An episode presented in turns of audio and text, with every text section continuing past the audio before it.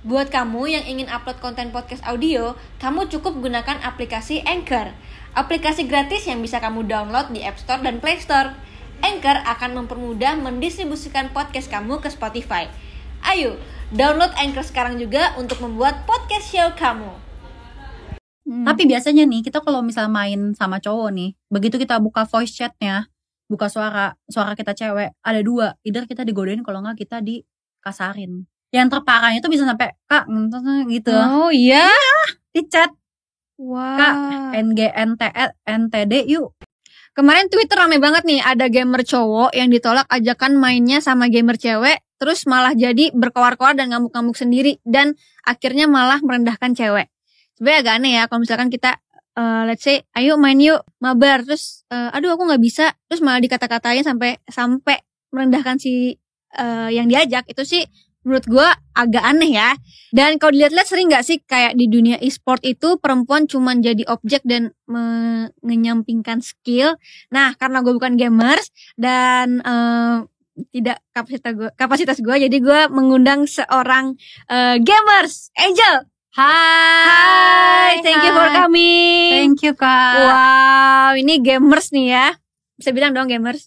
Eh gamers oke lah. Oke lah, Cuman aku lebih ke brand ambassador sih. Brand sebenarnya. ambassador. Betul. Gimana caranya bisa jadi brand ambassador kalau bukan pro player? Oke, kalau bukan dia nggak jago games ya. Heeh. Kalau aku sih jujur hoki sih. Mhm. Kalau aku kan emang kebetulan dari awal ya berkat lah. Hmm. Awalnya SPG-an jaga tiba-tiba ketemu sama tim EVOS dan tiba-tiba mereka juga pas banget lagi nyari BA waktu itu. Wah, tapi tahun. sebelumnya tadi kan kita sempat bahas nih tentang gamers cowok yang minggu lalu ya kayak rame dan kamu juga Iya. sempat eh, story ya kalau nggak Iya. salah ya. Jadi Inaima itu kayaknya dia dengar dari seseorang, Heeh. terus dikasih buktinya. Dia awalnya yang bikin speak up di Twitter. Setahu aku Hmm. gitu ya. Dia yang Hmm. awalnya speak up di Twitter si Inaima ini. Tapi bahkan dia bukan korban. Jadi dia temennya Dia korban. temennya korban. Setahu aku gitu ya. Ceritanya setahu aku tuh, tuh kayak gitu. Nah akhirnya dia spill semuanya di Twitter dan tiba-tiba dia replay Twitter dia itu dengan bukti-bukti lain. Jadi kita baru tahu bahwa bukan cuman gamers yang kena, tapi wanita-wanita di luar sana juga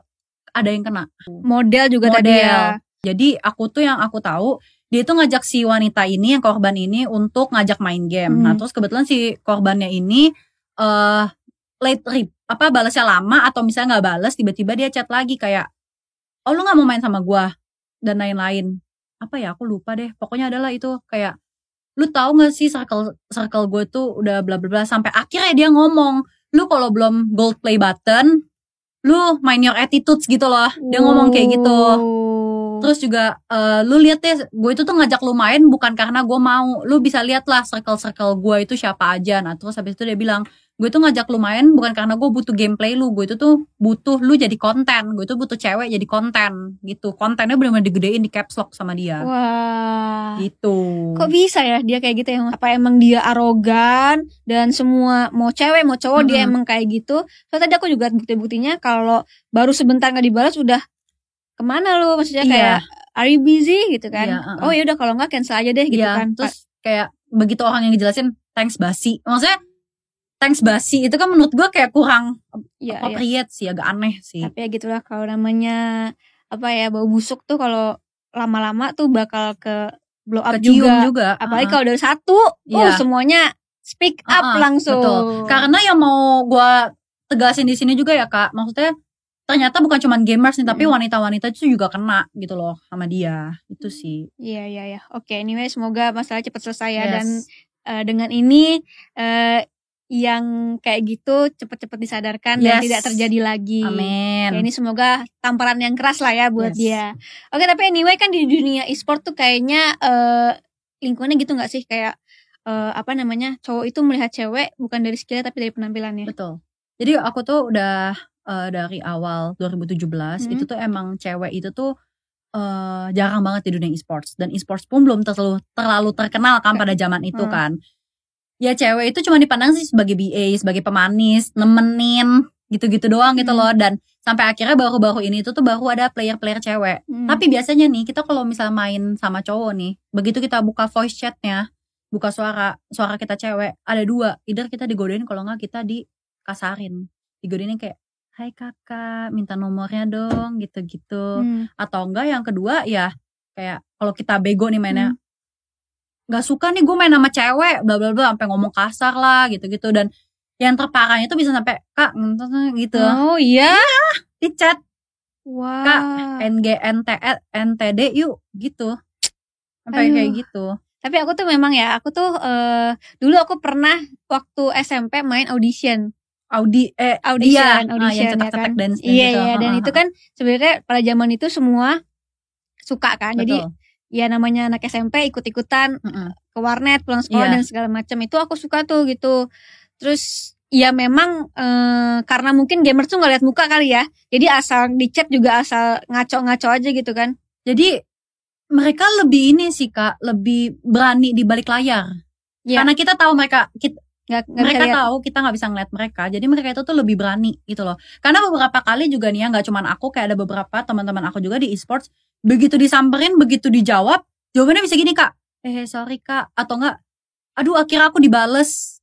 Oh. Gitu. Kayak akhirnya aku dibales, kak aku idol banget sama kakak. Kalau enggak tuh ada lagi tipe yang begini nih. Dia udah ngechat ngechat ngechat sampai akhirnya dia sengaja ngechat eh kasar Hmm? biar ikut-ikutan kalau nggak biar di notice. Oh, jadi sebenarnya sama ya kayak media sosial ya. Ah, sama, emang kayak gitu. Iya kan sama kan Sama. kayak haters-haters banyak yang komen-komen Iya. terus giliran masuk apa maksudnya si artisnya eh, lapor ke polisi atau apa takut. Takut Minta cuma maaf. bisa minta maaf. Iya. Iya. kayak gitu mereka juga. Karena selama aku udah di sini ya, kayak orang yang ketemu aku pun bener-bener main nggak ada yang berani kayak bego lu gini-gini Hmm. enggak.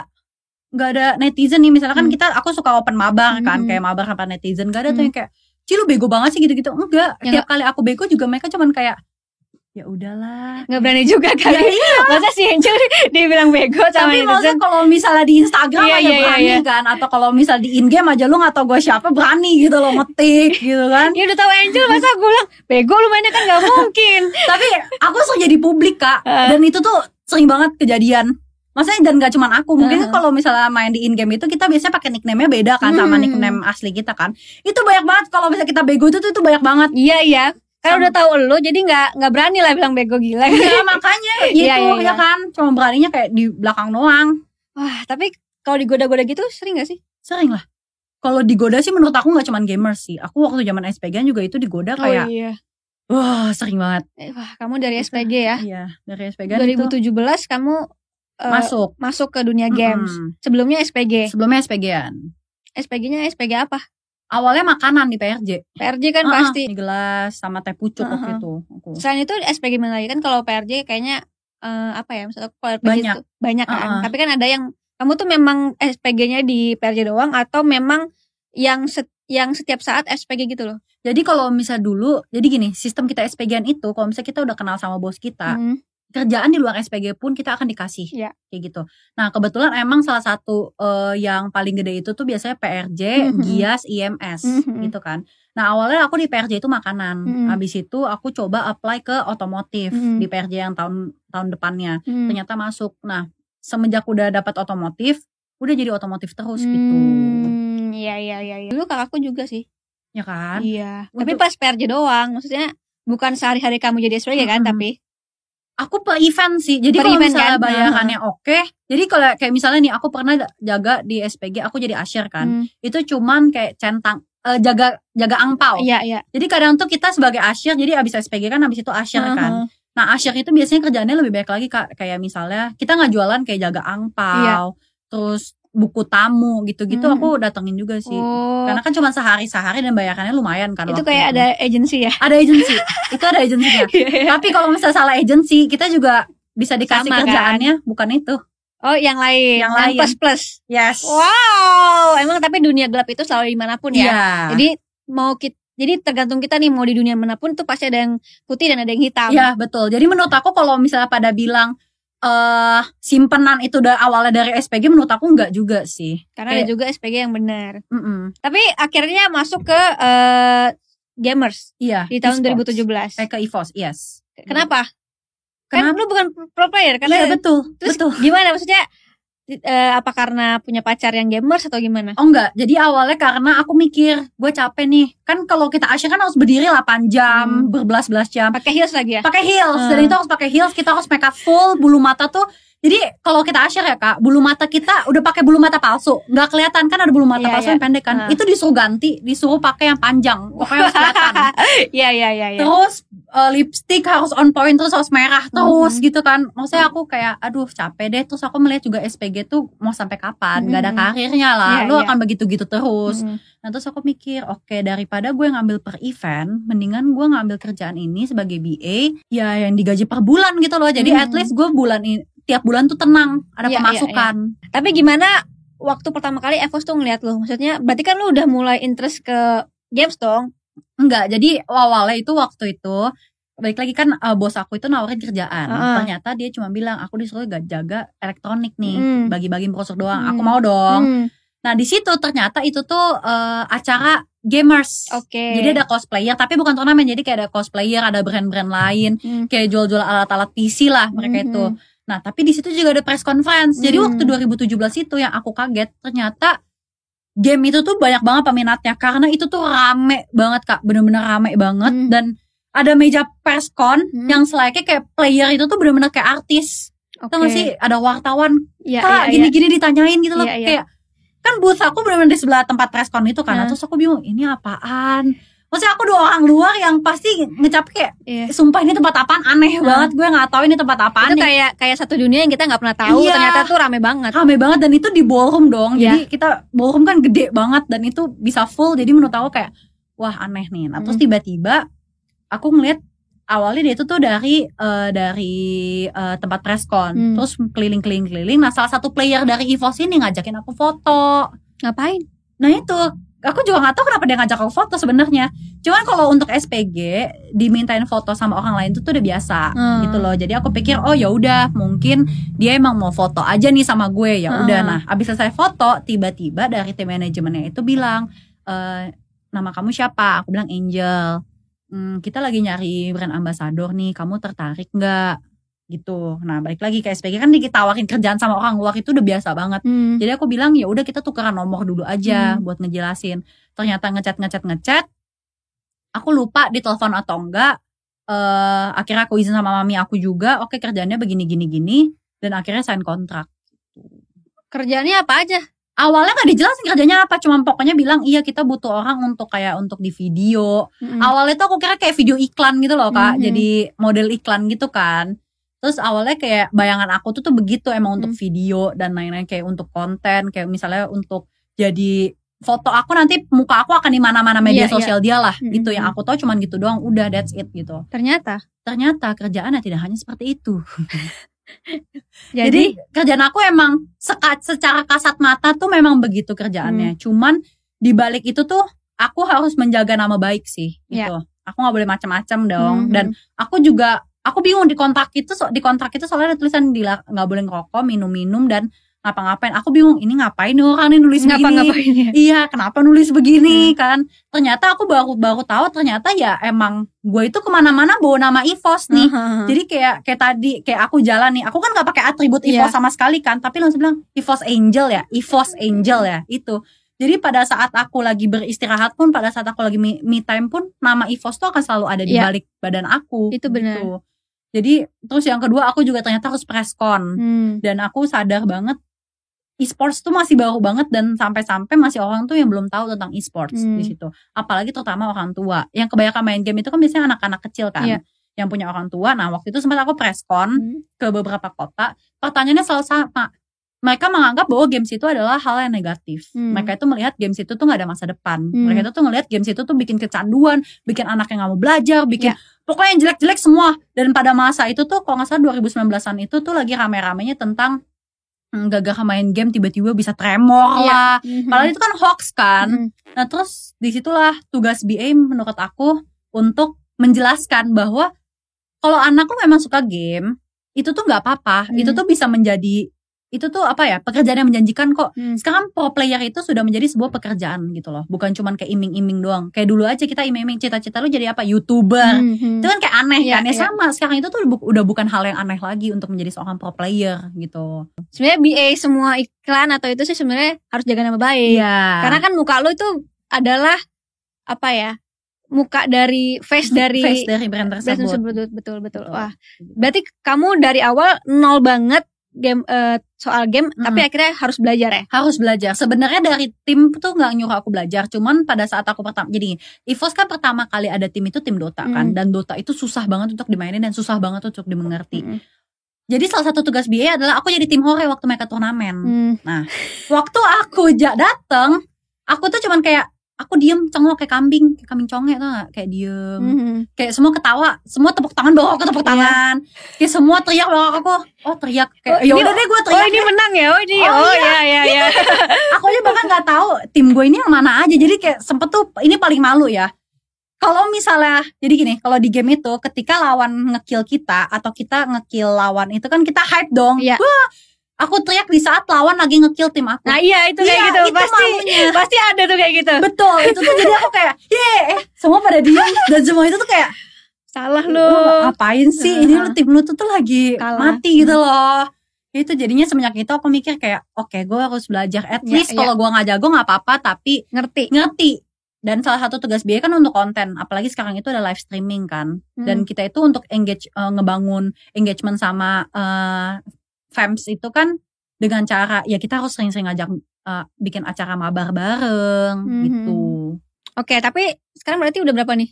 Empat tahun, lima tahun. iya jalan iya jalan lima lah Udah jadi kayaknya. brand ambassador doang. iya jadi brand ambassador doang Ih enak lu ya. Mayan Tiba-tiba tiba-tiba disuruh jadi brand ambassador. iya Mayan Wah. jalur orang dalam Tapi itu hoki sih. Betul, makanya aku bilang, tapi kadang minder tau kak, kayak ada tuh beberapa konten creator itu yang dia itu tuh buat konten yang sampai dikatain aneh lu bikin konten gini-gini, tapi aku itu kayak cuman jaga, Jadi tiba-tiba jadi BA, jadi kadang BA. minder tau, bener. ya tapi ya semua kan eh, harus ada hokinya juga ya. Ya amin. Oke. Tapi ya semua sudah jalannya. Mm-mm. Ada yang berusaha sampai gimana banget tapi nggak nyampe-nyampe. Heeh, tapi ya nggak apa-apa. Itu semua pokoknya kita dalam dunia ini harus berusaha. Betul. Iya kan? Betul kan? Tapi apa sih yang pengen kamu capai kan eh, maksudnya ini udah lima tahun, mungkin juga kamu peng- pengetahuan gamersnya sudah eh, meningkat ya. Oke lah. Sudah oke lah ya. Nah, apa sih yang pengen kamu capai dengan menjadi brand ambassador EVOS ini? Oke, yang pengen aku capai itu aku pertama aku mau membela wanita-wanita di e-sports terutama sih itu. Nah, terus yang kedua, ya aku mau membuat komunitas e- e- e-sports itu lebih bagus lagi. Lebih lebih apa ya? Lebih kan sekarang karena lagi ramai banget kayak kalau misalnya tim tim ini kalah bisa Hmm. tiba-tiba IG-nya bisa hilang karena ke report walaupun kita nggak tahu oknumnya siapa. Berarti di report sama orang-orang gitu nah ya? iya, aku tidak menyalahkan siapa-siapa ya Nah, balik iya. lagi. Aku tidak menyalahkan siapa-siapa. Cuman memang itulah yang terjadi gitu loh dan ujung-ujungnya jadi komunitas e-sports Iya. yang yang di yang disalahin Mhm. gitu. Jadi menurut aku kayaknya aku harus pick up more sih Iya, tentang komunitas terus tentang eh wanita di e-sports yang ternyata masih banyak juga di tahun 2022 tuh masih ada kejadian yang kayak tadi kita awal Mhm. omongin gitu loh. Gimana cara kamu untuk melindungi eh, wanita-wanita di e-sport? Oke, kalau dari aku sendiri ya, aku tuh sering ngadain webinar. Hmm. Bukan bukan aku yang webinar, cuman once ada komunitas ataupun ada universitas yang webinar, aku Hmm. pasti oke, aku aku akan berusaha sebisa mungkin untuk aku ngomongin di situ. Aku akan membicarakan tentang BA itu nggak cuman mejeng. Kita itu cewek itu tuh juga punya skill gitu loh Mhm. lu mau gimana pun emang maksudnya game emang mandang cewek atau cowok ya dari pemainannya sendiri misalnya dari Mobile Legend Hmm. emang Mobile Legend mandang nih akhirnya ini playernya cewek deh ah gue cupuin lah enggak kan itu semua kan Mhm. tergantung dengan skill kita dong Mhm. jadi yang masih sekarang aku lakukan adalah aku akan intinya universitas ataupun komunitas mana pun yang mau aku jadi speaker aku akan free of charge aku akan dengan rela melakukan hal itu gitu Nah terus yang kedua aku sekarang itu pengen banget mendekatkan diri dulu sama komunitas. Setelah aku mendekatkan baru bisa aku kayak ngobrol-ngobrol. Maksudnya masalah di komunitas tuh apa sih? Kayak apa sih yang harus kita perbaikin Mhm. gitu. Free of charge tapi free of charge tapi transportasi sama akomodasi enggak ya? Oh sekarang promosi. Enggak dong kan kamu kalau kalau keluar keluar negeri keluar kota Eh aku pasti minta online sih kak. Oh, minta kota, Aku online. minta online Oh, karena kan oke, oke. webinar sekarang kan udah online. online Ya, kan ya, lebih ya. enak online juga. Toh kita ke sana juga untuk Ya ya. ngomong juga. Tapi aku penasaran deh kenapa nggak nggak tahu ya maksudnya di e-sport tuh gimana tapi kenapa nggak kayak cewek ya kategori cewek cowok kategori cowok Sekarang cewek kategori cewek kok. Jadi sekarang itu memang ada turnamen yang untuk khusus cewek doang. oh iya kayak gitu kan Iya. maksudnya lebih maksudnya ya apa yang kamu impikan mungkin akan lebih cepat Iya, tercapai ha-ha. makanya aku juga di sini mau say thank you juga sih dengan eh, pemerintah karena pemerintah itu sekarang udah mulai memperhatikan tentang e-sports dan dari dalamnya yang ngurusin e-sports pun su- udah mulai aware tentang cewek itu bisa jadi pro player loh. Iya, Gitu. mantap. Mantap. Aduh, ini yang paling sensitif tapi ya omongnya aja deh.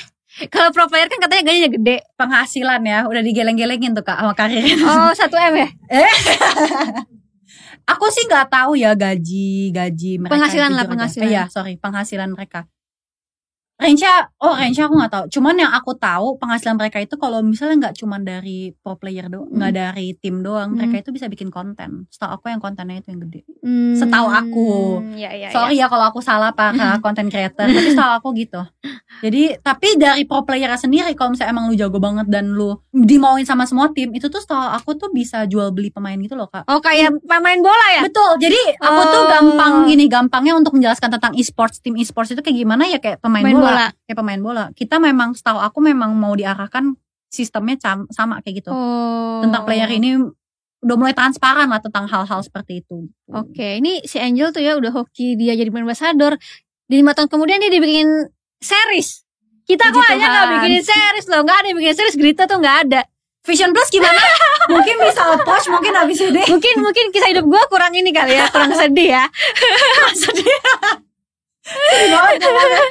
Tapi Angel tuh dibuatin eh, ada bikin series ya sama Iya. Vision Plus ya. Iya, Vision Plus original, betul. Wah, ini kisah hidupnya Angel berarti. Betul, emang inspired by true story kak. Jadi kalau inspired itu kan emang 50-50 Iya, kan. Cuman emang itu dasarnya itu diambil dari kisah hidup aku. Terus gitu. dikembangin lah ya. Dikembangin lagi, dibuat lebih dramatisir lah. Gimana kok bisa ditawarin atau gimana nih?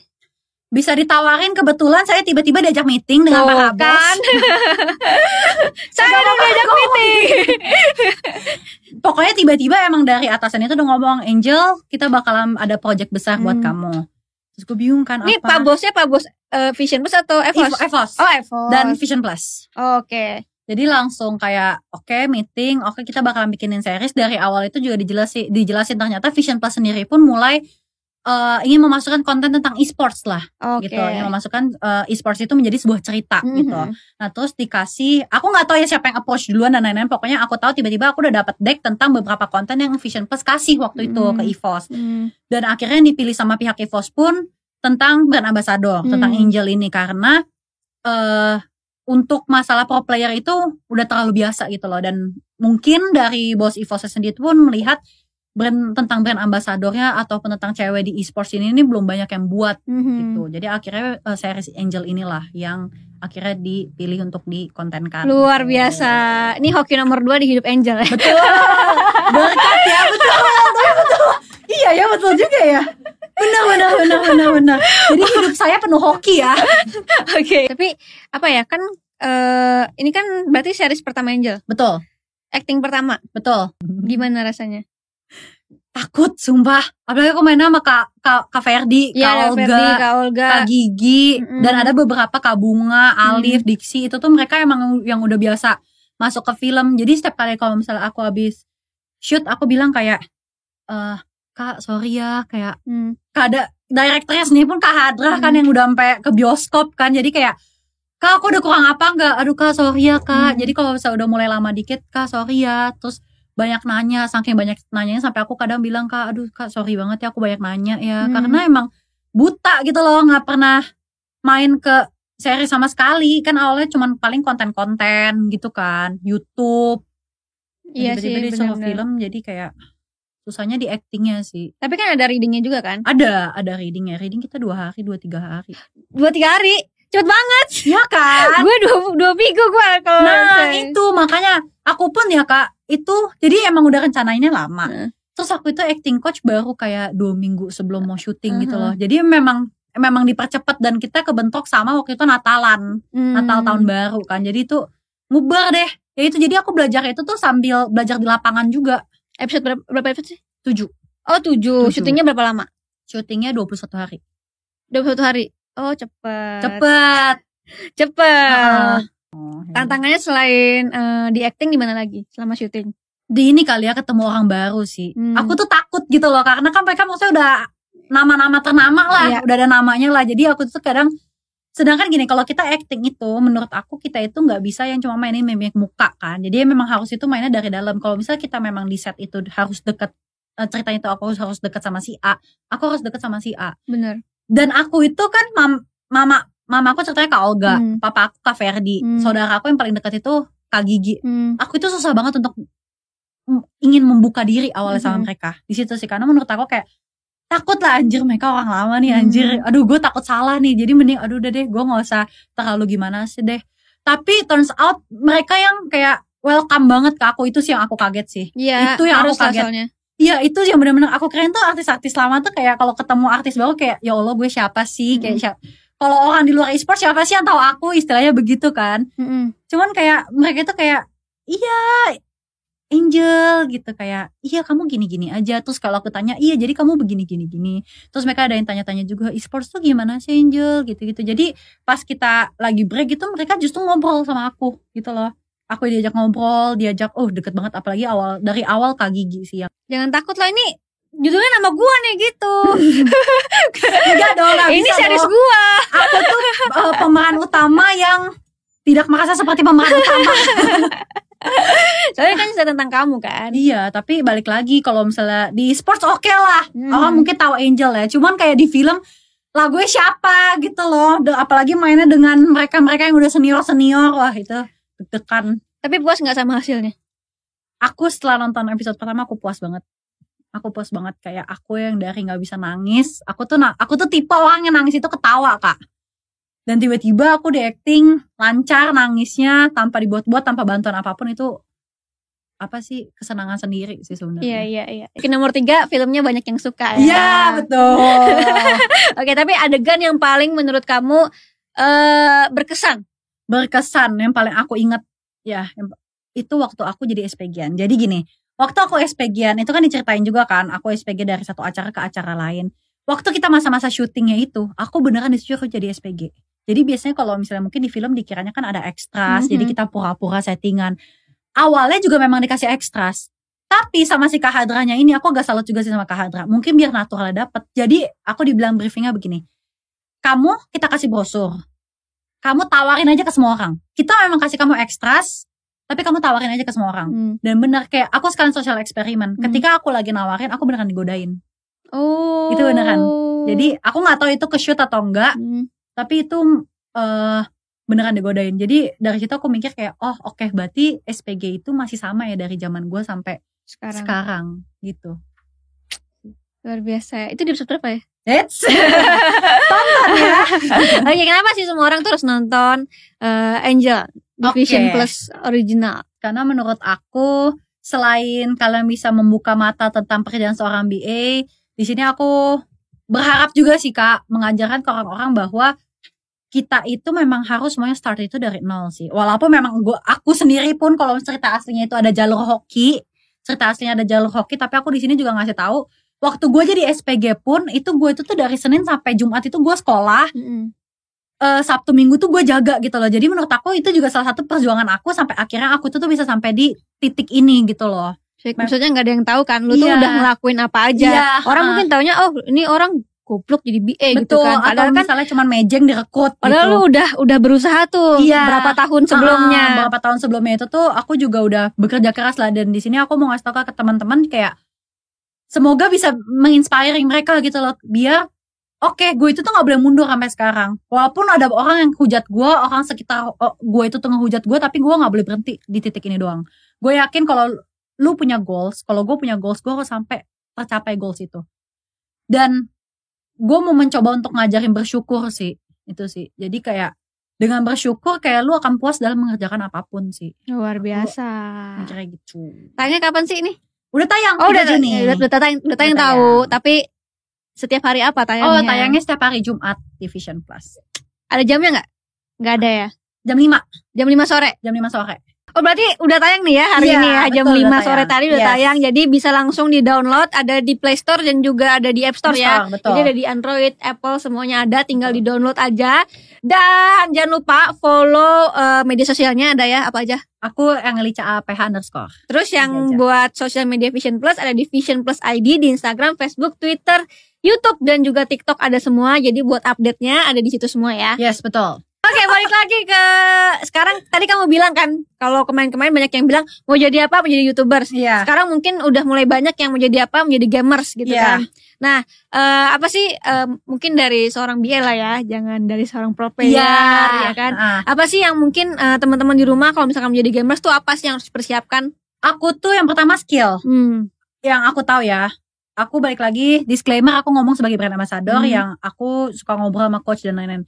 Yang aku tahu itu yang pertama skill itu udah harus ya. Hmm. Yang kedua itu ini network komunitas. Hmm. Jadi kalau misalnya jadi gini loh Kak, banyak banget eh, tim-tim tuh yang maksudnya kayak player-player sorry ya, aku ngomongnya gamers Hmm. eh, player biasa. Hmm. Mereka tuh mungkin ngeliat price poolnya ah cuma 200 ribu, tapi mereka nggak mau ngikut gitu. Hmm. Mereka itu ngincap price pool ya. Jadi saran dari aku kalau misalnya memang kalian mau masuk ke dalam dunia pro gamers, kalian itu jangan mikirin price poolnya dulu. Kalian mikir pengalamannya dulu. Karena pengalaman waktu turnamen dan pengalaman waktu mabar biasa itu beda banget. Sekecil apa pun turnamen itu. Jadi menurut aku dan dari turnamen itu, itu tuh kadang kita bisa kenal sama komunitas-komunitas lain. Karena jujur aja salah satu tim kita itu awalnya dari komunitas Hmm. sampai akhirnya diambil ke dipandang oleh profesional tim. Jadi menurut aku dua itu sih selain skill, eh sama satu lagi deh attitude. Karena nih ya, kayaknya kerja di mana pun deh kak, Iya, ya iya. sih? Kalau lu udah jago, lu udah pintar gimana pun, tapi kalau attitude lu minus, oke awal-awalnya lu akan banyak nih yang mau sama lu. Hmm. Tapi in the end, orang tuh akan kayak, gue nggak bisa kerja nih sama dia. Setuju, Ya kan? setuju, Mau lu sebagus apa pun kerjaannya pasti begitu. setuju. Ya kan? Tepuk tangan dulu Bang Angel. Anjay! Nanti jangan lupa di TikTok ya, lagi bagian tadi ya. Oke, Tetep ini ya. sekarang baru episode 1 ya. Baru episode 1. Berarti masih ada 6 minggu lagi. ya. Oke, terakhir deh harapan kamu buat Vision Plus original series Angel. Yes. Harapan aku semoga untuk dari seriesnya sendiri semoga banyak yang nonton karena balik lagi menurut aku ini bukan cuma sekedar film tapi menurut aku ini film yang eh series yang mengedukasi juga Mm-mm. gitu loh. Jadi selain ada entertain kita pasti kasih entertain tapi ini juga melihat dari sisi lain seorang brand ambassador sih dan kehidupan seorang wanita eh cewek yang baru lulus SMA lah gitu. Oke, luar biasa. Promo dong, promo. Promo di mana nih? Guys jangan lupa buat nonton Vision Plus original series Angel bisa langsung berlangganan Vision Plus Premium mulai dari 10.000 saja. Weh, murah amat 10 ribu. Yoi, makanya langganan. Ih, kayak beli ini gorengan di sekolah ya, 10 Betul, ribu ya. bakso depan lebih mahal. Iya, udah beli deh. Belilah. Ah, eh beli download dulu, ya. download dulu. download dulu habis itu beli, Beli. di Vision Plus. Iya. Oke? Nonton sampai habis ya. Makasih ya. Jangan lupa follow Instagram aku di sini dan nonton video lainnya di sini.